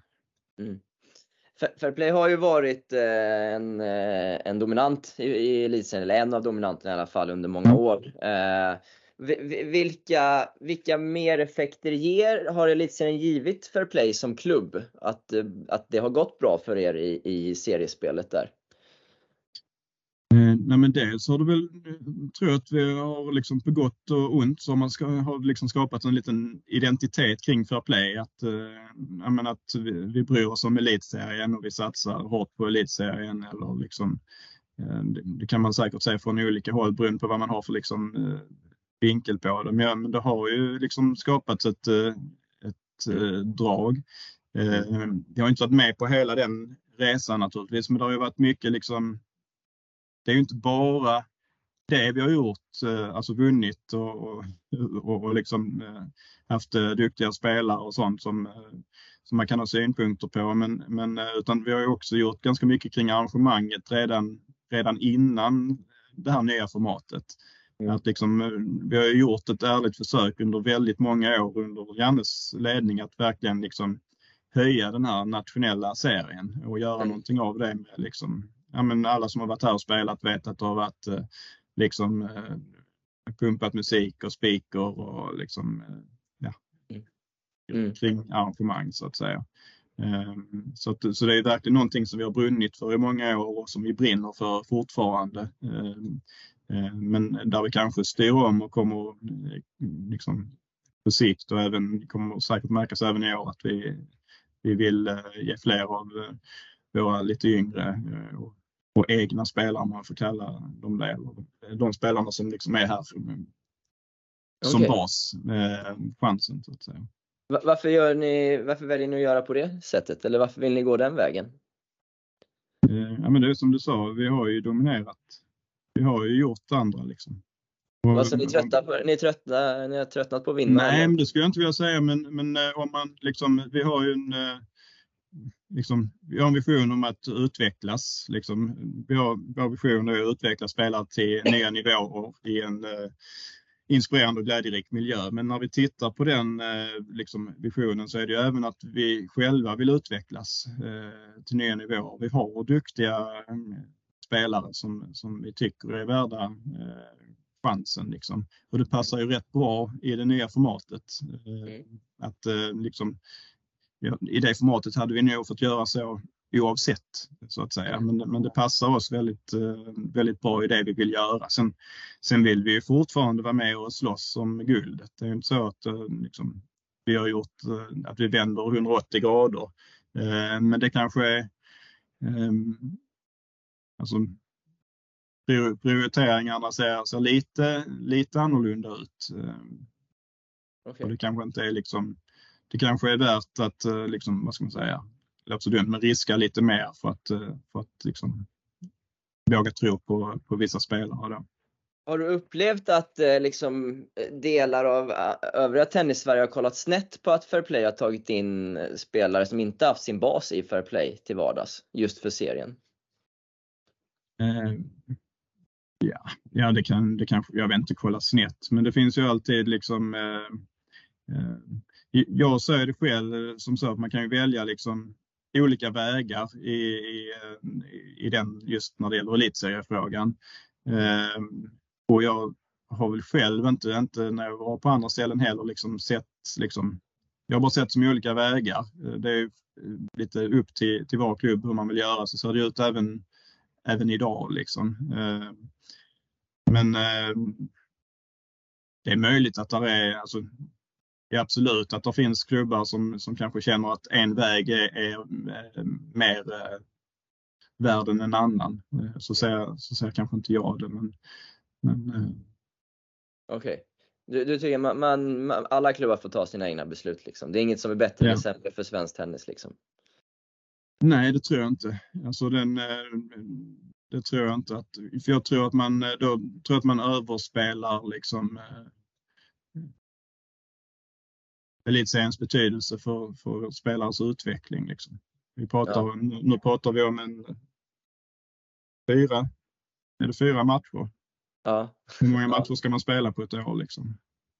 Nej. Utan det, det, är mer, utan jag tror mer att man ska se det från det här eh, mediala, alltså att skapa en, liksom ett roligt event, eh, att liksom synas i media, eh, liksom ha, ha någonting som är som är vårt eget eh, arrangemang. Eh, och sen tycker jag det är rätt att liksom, nej absolut, hade vi, hade vi spelat, säg att vi spelat i det gamla formatet så hade vi kommit med, med åtta lag som alla hade spelat med, med spelare som ingen eh, utanför den innersta tenniskretsen hade hört talas om, inte de i den egna klubben heller.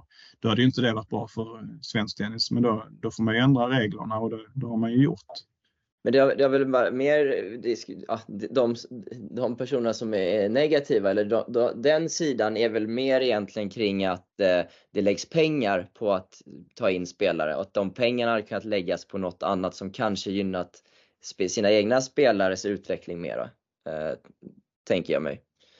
Ja, ja men absolut. Och sen, samtidigt så, så när de svenska spelarna åker till Danmark och till Tyskland och till, då är, då finns det ingen debatt. Liksom. Nej. Och, det är inte, och ska vi vara ärliga så är det inte, i alla fall när jag tittar på vår liksom, eh, omsättning och, och resultaträkning och sånt så är det faktiskt i sammanhanget inte speciellt stora pengar och inte om man jämför med utlands eh, heller så att säga. Jag vill passa på att tacka Lerums Tennis, den sen, det senaste tillskottet bland partnerklubbar. Jag är mycket glad över att Lerums Tennisklubb i utkanten av Göteborg, som jag från början är ifrån, nu är med och stöttar det här projektet framåt. Tack så mycket Lerums Tennisklubb och jag ser fram emot ett härligt samarbete. Ett härligt samarbete det har jag haft under lång tid med House of Bontin. Ni vet väl att ni har 15% rabatt på hela sortimentet med rabattkoden LINUS gäller på allt utom slingerbag eller redan nedsatta priser. Jag vill i det här eh, andetaget passa på att lyfta fram Sweet Spot Area Racket. Ett av mina favoritträningsredskap som jag har använt mycket sedan jag kom i kontakt med det. Ni hittar det hos houseonbontin.se som inte bara har träningsredskap för tennis och padel utan väldigt mycket mer. Hopprep, konor, repstegar, häckar, ja allt som behövs för er tennisträning. Tack så mycket House of Bontin för ett härligt och långvarigt samarbete. Eh, Game Change 2030 vad är dina tankar kring, kring eh, det, den färdriktningen från Svenska Tennisförbundet? Hur mycket jobbar Fair Play efter det och vad tänker du kring, kring hela den grejen? Men jag tycker nu, nu har jag inte den liksom eh, färskt eh, i minnet så, men jag tycker det är att det är mångt och mycket liksom sunda målsättningar och, och vi har ju en, liksom, en dialog med, med förbundet om, eh, om liksom de olika delarna, allt från trygg tennis till utbildning till liksom, ja, men jag, jag tror det är en bra, ett, ett bra dokument. Sen gäller det att, det att eh, liksom inte förblir ett dokument. Och jag tror att man har tickat av en hel del grejer så att säga. Men Sen är det ju också så med en, så pass lång målsättning. Eh, man måste jobba på lång sikt, men det gäller ju också att längs vägen kunna styra om eh, ifall det behövs så att säga. Man, mm. man Just det. det. Ja. Hur, hur, mycket dialog, du, du som klubbchef i, liksom en, av de, ja, en av de absolut största klubbarna, eh, hur, hur, mycket dialog har du med förbundet i olika frågor? Eh, Nej, men jag skulle säga att vi ingår liksom i en, eh, ska man kalla det en, eh, det finns ju ingen referensgrupp, men jag tror att eh, liksom i, som jag upplever det så, så försöker liksom förbundet förankra sina beslut eller förslag och så med, med, ett, med ett gäng klubbar. Och där är det ju, tycker jag det känns ganska rimligt att man, att man kontaktar oss och ställer frågan och så vidare.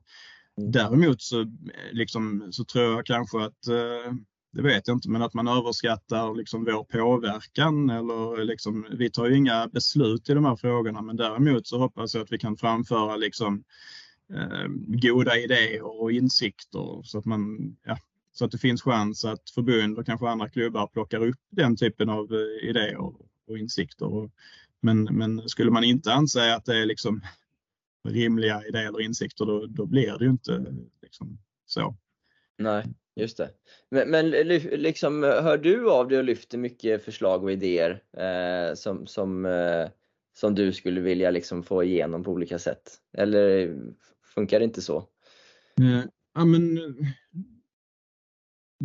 både ja och nej. Det kan vara inte så att, liksom, att ur tomma luften eller att vi har att nu har vi en idé här som eh, vi vill att Svenska Tennisförbundet ska genomföra. Men, men däremot så liksom, liksom de, de flesta områden finns, ju, finns det ju redan liksom planer eller liksom ämnen. Det kan handla om elitserien eller det kan handla om liksom spelarstöd eller det kan handla om liksom tränarutbildning och så. Och då, då eh, är det ju ofta så att man ser någonting och så tänker man att ja, men skulle man inte kunna göra så här istället? Eller kan man inte justera på detta? Här har vi en eh, bra idé. För att man har ju ändå ett eh, alla klubbar sitter ju på ett, eh, på ett unikt perspektiv liksom och vi har ju ett Eh, ett perspektiv från en, från en större klubb som, som där inte är så eh, Ja, där, är, där det är några klubbar eh, i Sverige som, som har eh, liksom ligger runt eh, den storleken i organisation och så vidare. Och då tror jag det är viktigt att vi liksom lyfter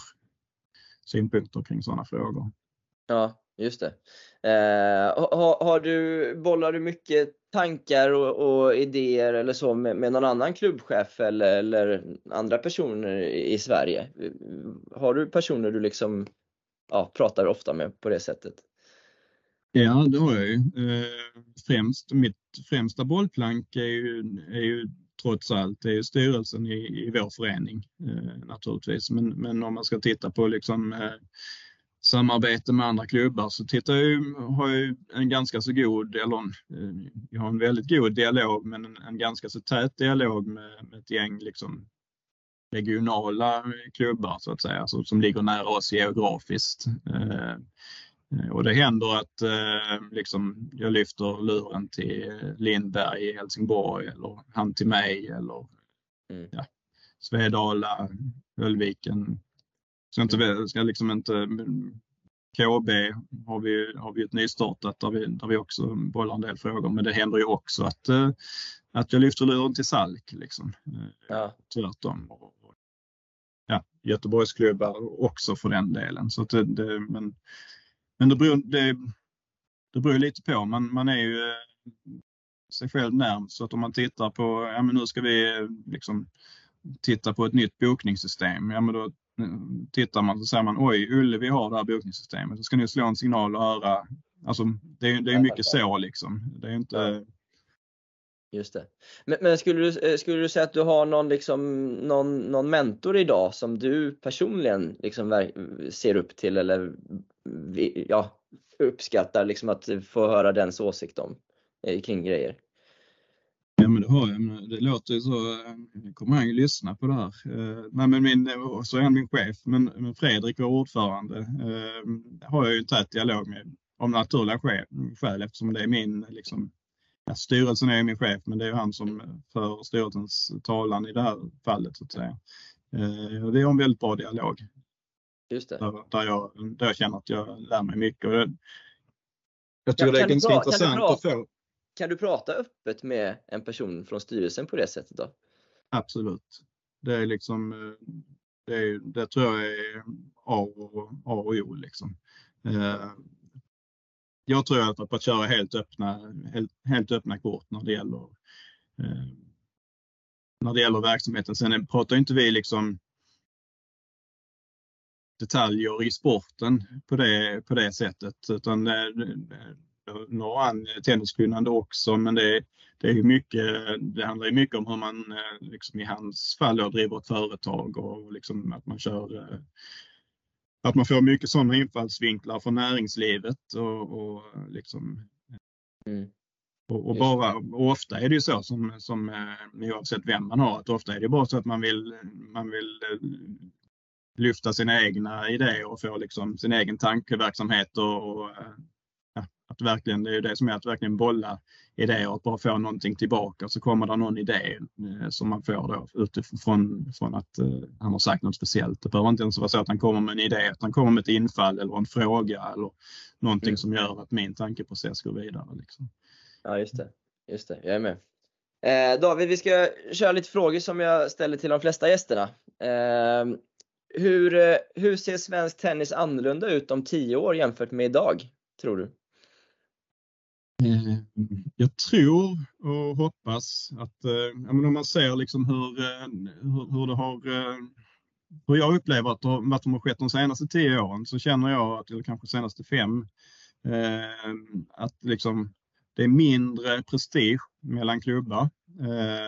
Det är mer samarbete det kommer ju också från att eh, det kanske är vanligare idag, jag vet inte, än, än tidigare att man liksom att tränare och, och, klubbledning och sånt också byter klubb eh, och då har man liksom kvar kanske goda relationer till olika personer. Om man, har, ja, men man kanske har börjat med att hänga på liksom, eh, junior-SM i, i Göteborg och träffats i korridoren och så vidare. Så det har liksom naturligt blivit en mindre eh, en mindre liksom sån här kanske inte prestige, men liksom en mindre konkurrens. Vi är inte våra mm, värsta konkurrenter, vi är våra största tillgångar. Liksom. Det är ju mot andra, det är mot andra saker som vi tävlar tennisen. Liksom. Det är inte mot, eh, det är inte fair play mot Helsingborg eller Salk eller GLTK. Liksom.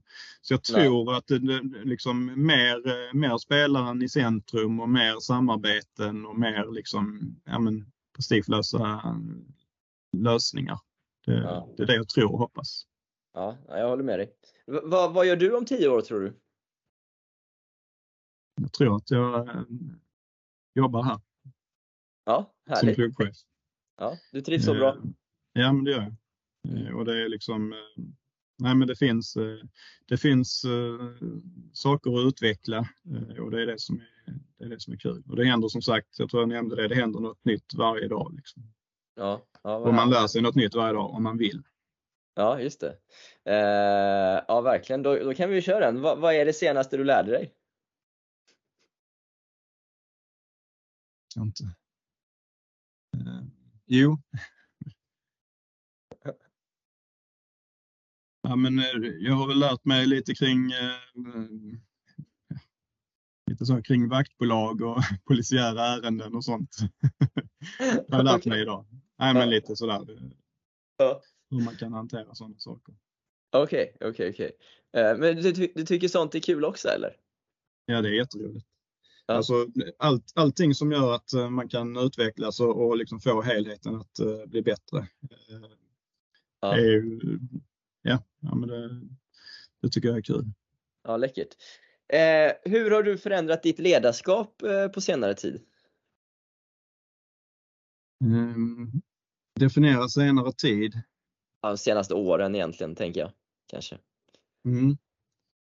Um, ja, men då, då, skulle jag nog ändå liksom säga att uh, försöka, jag har blivit tvingad att, uh, att försöka hitta liksom ett sätt att uh, skapa ägarskap och alltså delegera ägarskap. att jobba mer för att vad ska man säga, utveckla medarbetare. Mm. Okej. Okay. Berätta mer, hur, hur, eh, hur då? Ja, men ta det exemplet som jag hade. Jag jobbar då med liksom, jag ska säga app igen. Jag jobbar med, med liksom en app som, som sorterar mina uppgifter så att säga. Eller där jag sorterar mina uppgifter utifrån olika kategorier och så vidare. Ja. Och där det har jag då försökt liksom implementera i organisationen. Att uh, inte säga att det här måste du använda utan säga att så här gör jag. Uh, det här har hjälpt mig jättemycket. Uh, ja. Testa detta liksom. Okej. Okay. Och det tror jag, det är vissa som har plockat upp och tyckt att det är ett bra sätt. Liksom. Ja, ja, ja, läckert. Förutom i, liksom, i vardagen, i uppgifter du får och, och, och utmaningar du ställs inför, hur, hur, hur utvecklar du dig annars själv eh, som person och som ledare? Eh, på, på vilka sätt eh, utbildar du dig liksom?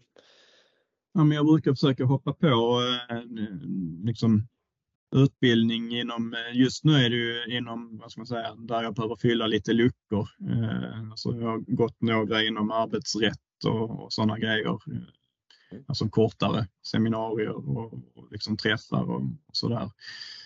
Mm. Så det är väl lite det som man kan få in i, få in i, i schemat så att säga. Men, men, eh, nej, men så att utbildningar är väl en, är väl en del men det, det sen eh, kan halka in på lite litteratur och sånt ibland men det, det är inte lika ja, jag har svårare att hitta tid att läsa än att, eh, än att liksom boka in ett, eh, ett möte med arbetsgivaralliansen eller med, med Nej, men som till exempel, nu, nu har vi inte genomfört den utbildningen än, men som som jag nämnde med, med Kaxton och Desiree då.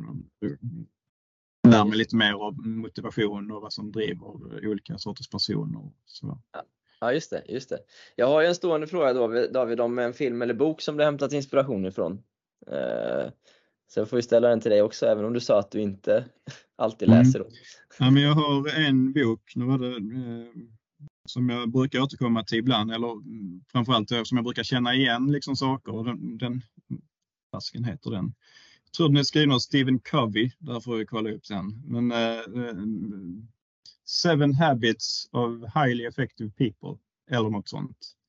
Okay. Uh, okay. Där, det är sju olika, liksom, uh, eller Highly Successful People kanske det Men sju olika liksom, egenskaper som då eller verktyg som framgångsrika människor eh, ska ha gemensamt så att säga. Eh, nu kan jag inte rabbla alla de sju egenskaperna men det är lite sådana eh, ja, men, Think proactive, uh, sharpen your saw, uh, som, som handlar just om utbildning då. Uh, ja, så är det ett gäng sådana. Men, men det är ofta så att när man man läser någonting eller man är med om någonting och man ser och så, ja men just det, det var ju det som, alltså att man relaterar tillbaka till den. Så den är ändå något som, något som har följt mig. Så den kan jag, kan rekommendera att läsa den, den boken. Ja, läckert. Ja, den ska jag kolla upp. Eh, vilken skulle du säga är svensk tennis största styrka? Eh, traditionen. Mm. Alltså eh, både, vad ska man säga, både internationellt och i Sverige. Så, så, så någonstans så när man nämner tennis så där finns en tradition liksom och där finns en, även bland belackare så finns det liksom någonstans en, en längtan och en önskan om att eh, liksom eh, Make Sweden great again. Eller liksom så att nej, men man, ingen hade ju blivit eh, gladare än, eh, än eh, en, en svenskarna om vi hade fått fram en, liksom en riktig världsstjärna i tennisen igen. Och jag tror att man upplever det likadant ute i, ute i världen. Liksom. Alltså det finns en genuin vilja och en önskan. Och, liksom. och jag tror ja. att intresset hade blossat upp ganska snabbt. Alltså att liksom, ja. ja, äntligen, nu har vi Nu ska Linus Eriksson spela Wimbledon-final liksom, så helt plötsligt är det hype igen. Jag tror det hade gått väldigt snabbt. Så, att så att traditionen och den liksom den försvinner inte i första hand eller i första taget. Och det, det, jag ser det som en styrka liksom, främst. Ja. Hur, hur är din bild att svensk tennis mår idag generellt? Eh, sämre än när den var som bäst eh, och bättre än vad folk tror, alltså än vad gemene man tror. Okej, okay. ja. Så vad, typ, vad, typiskt svenskt svar, mellanmjölk. Liksom. Men, ja, men vad grundar du det på att det är bättre än vad gemene man tror? Är det för vad som utges, vad media skriver och så menar du eller? Ja, men alltså eftersom vi inte har några riktiga fixstjärnor liksom utåt eh, så tror man att det är helt, eh, helt öken. Men det är ju faktiskt en, en eh, det är en folksport fortfarande. Liksom. Vi har ju massor av utövare eh, och vi har ju fulla tennishallar i hela, hela landet. Liksom. Och vi har och även på elitsidan så är det inte, det är inte så fullt så dåligt som, som eh, man tror om man inte liksom eh, kan någonting om tennis om man bara läser Aftonbladet. Eh, utan det har ju delvis att göra med att eh, absolut, vi kan ju vara betydligt bättre. Vi kan, vi kan göra det bättre och vi, vi ska få fram spelare och så vidare. Men det är ju också så att eh, jag hade någon som, jag brukar stjäla från folk, så något citat från en gammal, eh, han vet vem man är, liksom en träningskollega och, ja, tennissnubbe liksom som är, som är kunnig. Han sa det, David, på min tid så fanns det hundra spelare eh, som var jäkligt bra. Det var sjukt svårt att ta sig in på topp 100. Men idag så finns det 400 spelare som är sjukt bra, men det är fortfarande bara 100 platser. Och det, är, det är lite talande liksom att eh, man är ju liksom smuts som man är, ligger 405 idag på, på rankingen. Eh, alltså från medial, mm. medialt håll sett. Eh, och det är ju så sjukt bra egentligen. Alltså för den ja. spelaren, om man bara ser det som, om man ser det som land, liksom, så är ju den, har ju den spelaren gjort en enorm liksom, insats att bara ta sig dit. Mm. För, för konkurrensen är ju betydligt eh, tuffare idag. Den är global på ett helt annat sätt än vad den var för liksom 30-40 ja. år sedan. Ja, så är det verkligen. Så är det verkligen. Eh, Okej, okay. men, men så du tänker att det ändå görs bra grejer i svensk tennis? Att ändå vi har en ljus framtid eller? Eh, tänker du? Ja, det tänker jag. Ja, vad härligt. Ja. men, men vad, vad skulle du säga är svensk tennis största svaghet då? Traditionen. Ja. Nej, men just det här liksom att eh, vad vi än gör liksom. Så jämförs det? Vi, ja, men vi kommer ju aldrig, vi kommer ju aldrig igen ha eh, Alltså när jag var i, eh, när jag växte upp i Höllviken så hade vi en spelare som var topp 100 i världen. Eh, som jag aldrig hade hört talas om förrän jag hörde talas om honom, höll jag på säga. Nej, men liksom sen jag blev, sen jag blev lite äldre. Eh, det var, var liksom 90 någonting. Låg 16 i Sverige tror jag. Mm. Det, alltså, sånt, dit sånt vi, är så alltså, sjukt. ja, men jag menar, dit kommer vi ju inte. Jag, jag, tror inte att jag ser som pessimist för att jag säger det, men vi kommer inte ha liksom 15-20 eh, spelare på topp 100-listan i, i, världen på här sidan. Det, det kommer inte hända. Mm. Så, att så att det jag menar med att, liksom, att det också är en svaghet är att man har den här liksom, traditionen som någon slags måttstock, att allting är skit. Liksom. Mm. Eh, och det är det inte. Men det betyder ju inte att liksom, nej, men det blir inte bättre. Det är klart att vi kan, varför skulle inte vi kunna få fram, eh, få fram spelare som, eh, som eh, både Finland, Norge och Danmark får nu på högre nivå än vad vi, vad vi har. Men det är inte bara så att liksom, ja, men om vi gör det här i klubbarna eller om vi ändrar det här i strukturen så kommer det, då har vi tre topp 10-spelare igen. Det är lite mer komplicerat än så. Ja. Sen finns det, fin, finns det säkert, eller det finns eh, saker vi kan göra. Det behövs lite initiativ och jag tror att vår melodi är liksom, eh, alltså vår, med, med vår melodi menar jag svensk tennis, att det är samarbete och, och liksom vi måste, vi måste jobba tillsammans. Liksom. Jag tror att det blir svårt för en aktör att bara. Mm. Okej.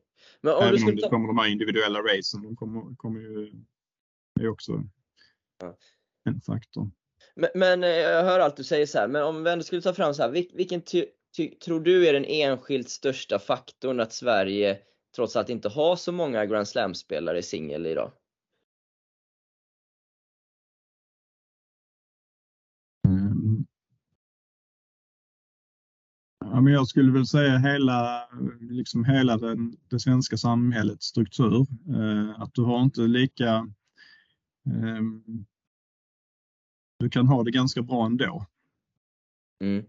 Du behöver inte, du tar ju en risk. Alltså du måste ju vara, alltså nu tolkar jag mig rätt, men du måste ju vara lite smågalen för att, eh, för att liksom göra en, eh, en satsning fullt ut på tennis. Liksom. När du har alla de här fantastiska möjligheterna som vi har i, i, i vårt land med, med utbildning och, och liksom sunda värderingar och möjligheter att eh, liksom leva ett bra liv ändå.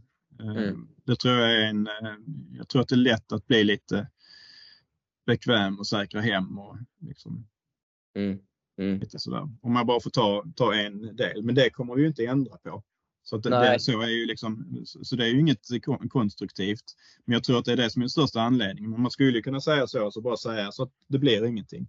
Men jag tror att man kan motivera ändå och kanske skapa ja, men liksom, skapa i alla fall lite mer tid eh, för de här som, eh, som satsar. Eh, alltså det tar ju längre tid. Skapa samarbete med, vi har ju gymnasier och så vidare, men skapa samarbete kanske med universitet, hitta liksom lösningar som gör att det blir liksom ekonomiskt försvarbart att satsa några år till. Liksom. Mm. Kanske jobba tillsammans med, med ja, men varför inte framgångsrika universitet där vi har svenska spelare? Alltså jag tänker på, på college i USA, de som väljer den vägen och så vidare. Att, det, det ja, tror jag också är en stor nyckel.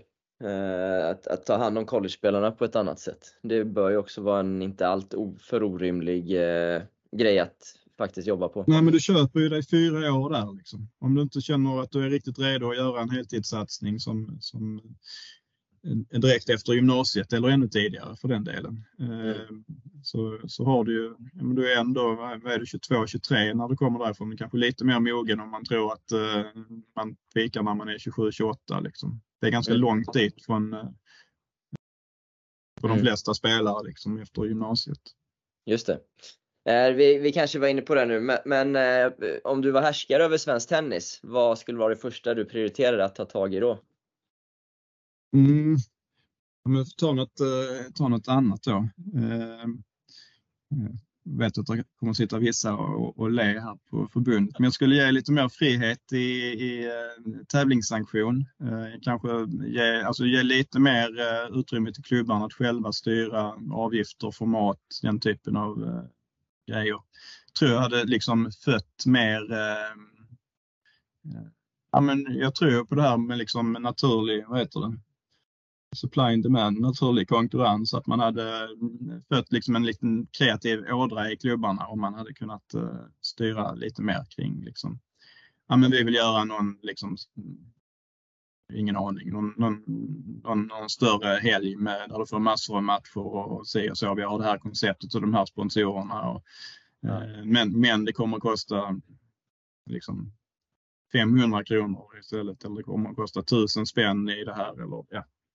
Liksom lite, mer, lite mer frihet eh, där tror jag hade kunnat gynna och det kanske är på, på gång. Det är, inte, det är inte så att jag säger att det är, liksom, att det är stelbent där, men det är väl en sak. Eh, ja. Och sen måste, måste jag säga också eh, att den kanske är svår att liksom styra, i alla fall kortsiktigt, men du kanske har svarat på den frågan varför det bara finns grusbanor i Sverige och inga hardcourt. Utomhus? Ja, utomhus? Ja, jag har mm. inte svaret på det men däremot eh, tycker jag, vilket jag anar att du också tycker då, att det är inte allt för fel med, med hardcourt ute. När man kan förlänga säsongen lite mer med det. Precis. Jag har eh. själv tränat liksom i, eh, när vi har skottat under en, liksom snön på banan i februari i South Carolina liksom, och sen har man kört.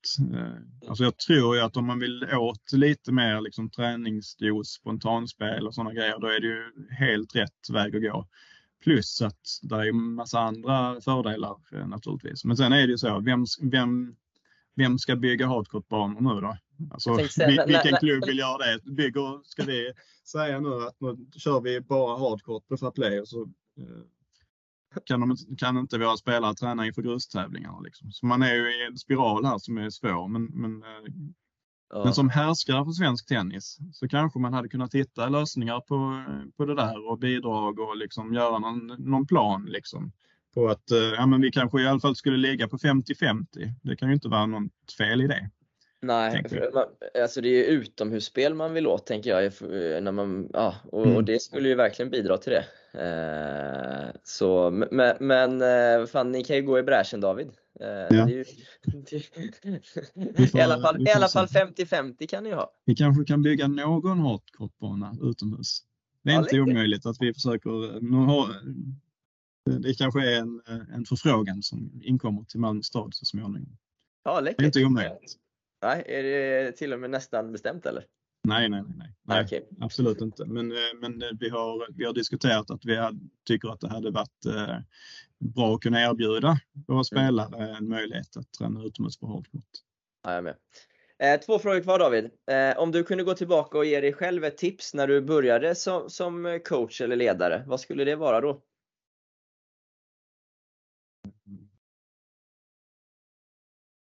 Det är en bra, bra fråga. Ehm, nej men det är väl egentligen så eh, lite grann så som jag har levt lite sen. Men, men liksom bara hoppa på allt. Liksom. Hoppa på alla utmaningar. Tacka ja först och, eh, och, och lös det sen. Eh, och, det, det är faktiskt en av de sakerna som, som Janne sa till mig, så jag fick det rådet sen lite senare. Men Ja. 2018 när jag kom hit så sa han det till mig att här tackar vi ja först och sen, fick, sen löser vi det efteråt. Eh, Så att, nej, men jag tror att det är, liksom, det är väldigt utvecklande att du hela tiden utmana sig själv hela tiden, att inte bli bekväm. Liksom. Ja, ja, ja det där älskar jag. Det ja. Eh, slutligen då, förutom det, vill du rekommendera någonting? Ja, nu har jag varit inne på, men, men jag är ju lite nördig när det gäller eh, de bitarna. Men jag tänker just det här med att eh, om man ska sno, jag har ju stulit det mesta jag har sagt idag från olika håll, eller lärt mig från olika håll. Så ska ni stjäla något eh, från mig där ute så, så eh, titta på det här med att strukturera upp sig själv. Alltså om man tar, eh, om man ser på min, jag kan ta min vecka, kan vi göra, eh, vissa sådana då har jag liksom på, på fredagar, det behöver inte vara på fredagar, men då går jag igenom liksom alla mina större målsättningar. Och sen utvärderar jag hur, hur mycket jag har jobbat med de målsättningarna i veckan som har gått.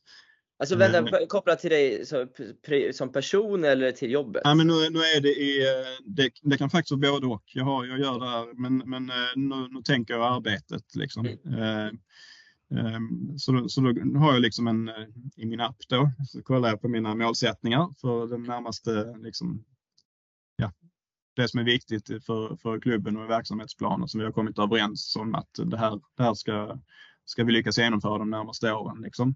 Mm. Ehm, och sen så tittar jag, har, har jag arbetat med de här frågorna i veckan? Eh, det- Rimligtvis så bör man ju göra det, inte bara släcka bränder. Ehm, ehm, och sen så göra en planering för kommande vecka. När jobbar jag med de här sakerna nästa vecka?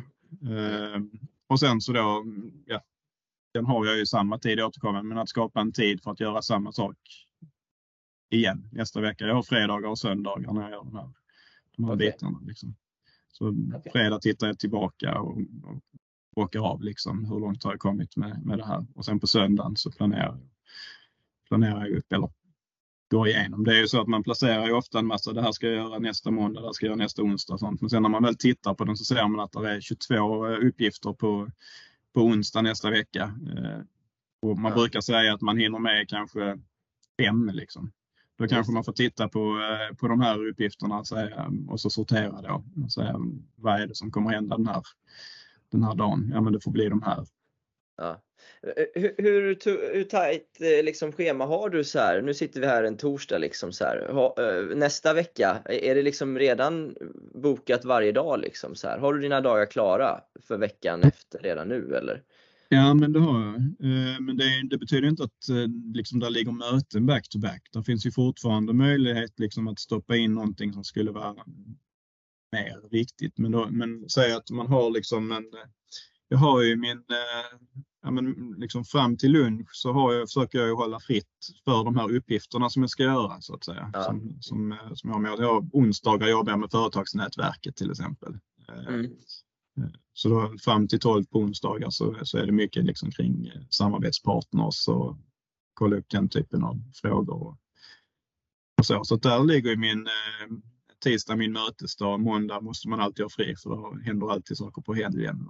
Eh, okej. Okay, okay, Fredag okay. lite mer strategiskt. Och, ja, men lite, okay. lite så. Ja, läckert, läckert. Ja, David, eh, det var det jag hade. Eh, tack. Är det något mer du vill tillägga för det första kanske, som vi inte kom in på? Nej, det tror jag inte. Eh, nej, det var väl ungefär, eh, ungefär så här. Ja. ja. du, brukar, du brukar i och för sig eh, fråga någon som, eh, det hade jag, jag har ju hört lite på dig tidigare, det har jag inte nämnt tidigare, men, men du brukar fråga om sånt vad du upplever att du tror på som andra inte håller med om.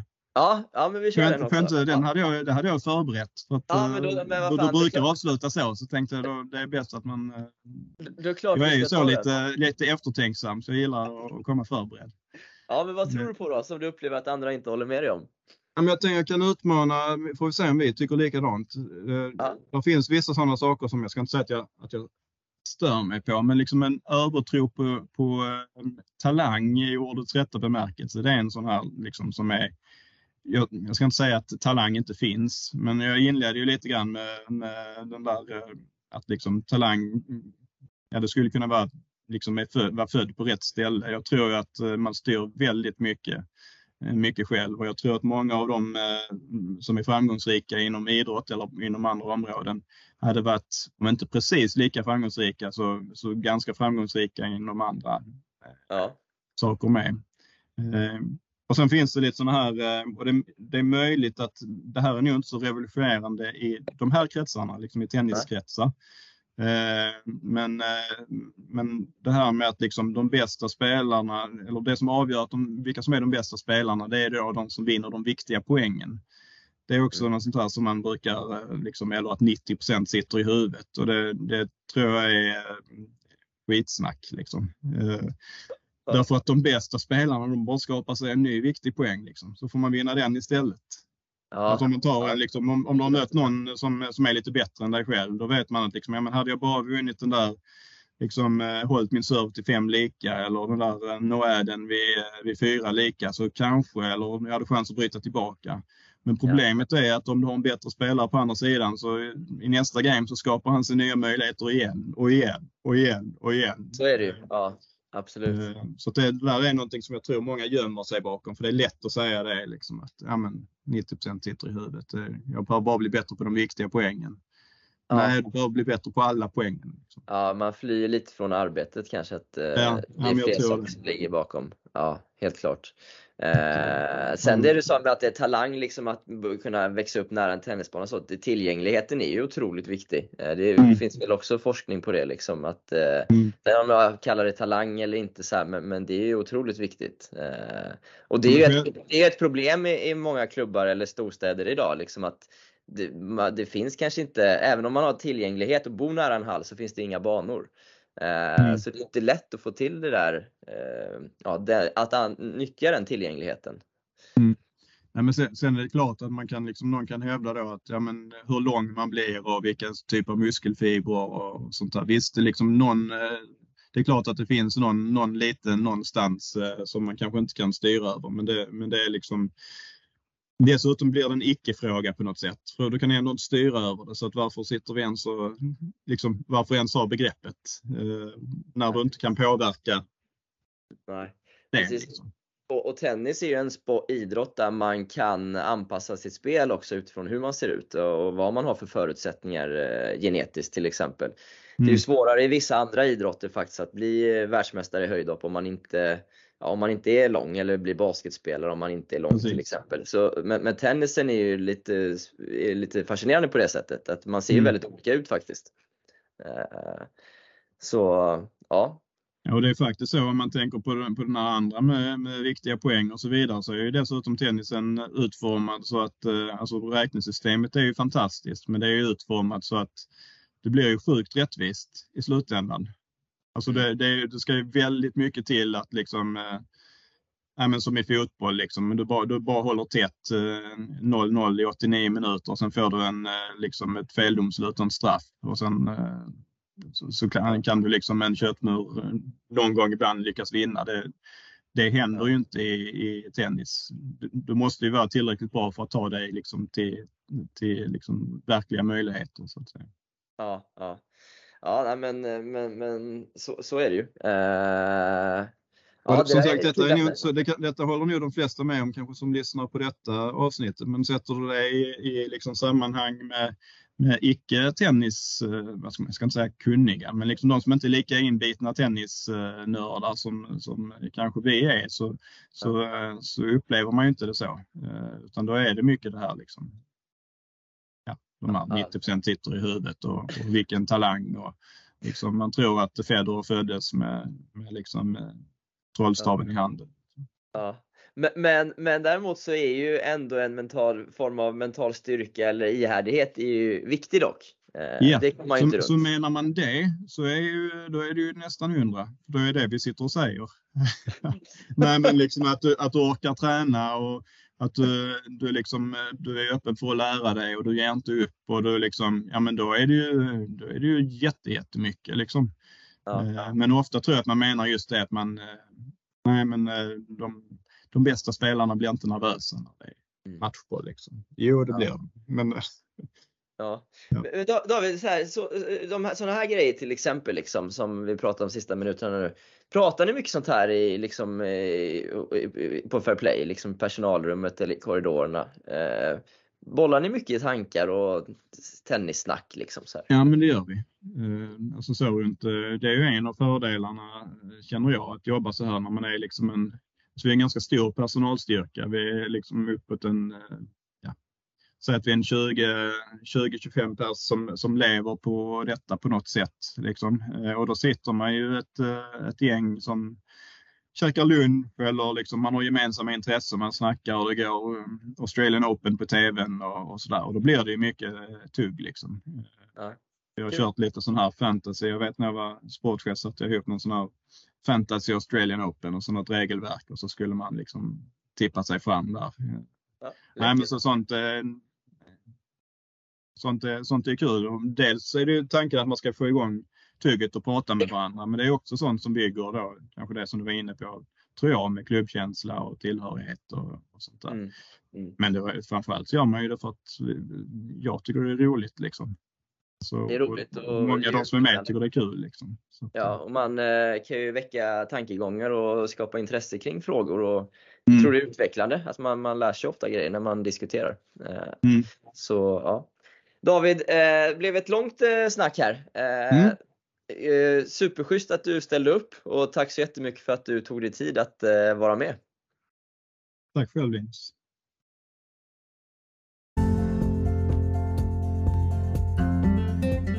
Ja, det blev ett eh, härligt långt samtal med David och det här är ju en gäst som jag velat ha med David i under väldigt, väldigt lång tid. Men det är superkul att vi nu fick till det i, precis i veckorna före elitseriepremiären. Något som Fair Play under lång tid har eh, satsat hårt på som vi alla vet.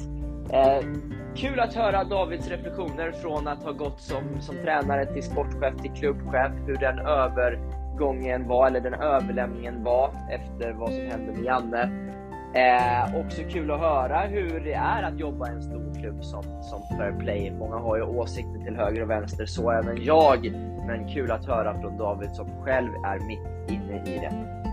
Vi eh, tuggar vidare med eh, podcasten såklart och jag vill också lämna en liten teaser. Gå in och följ baslinjen kom allt i ett ord utan punkt emellan. Baslinjen kom på Instagram. För eh, där kommer det att hända grejer inom eh, kort. En liten uppmaning till er alla. Tack så mycket för idag.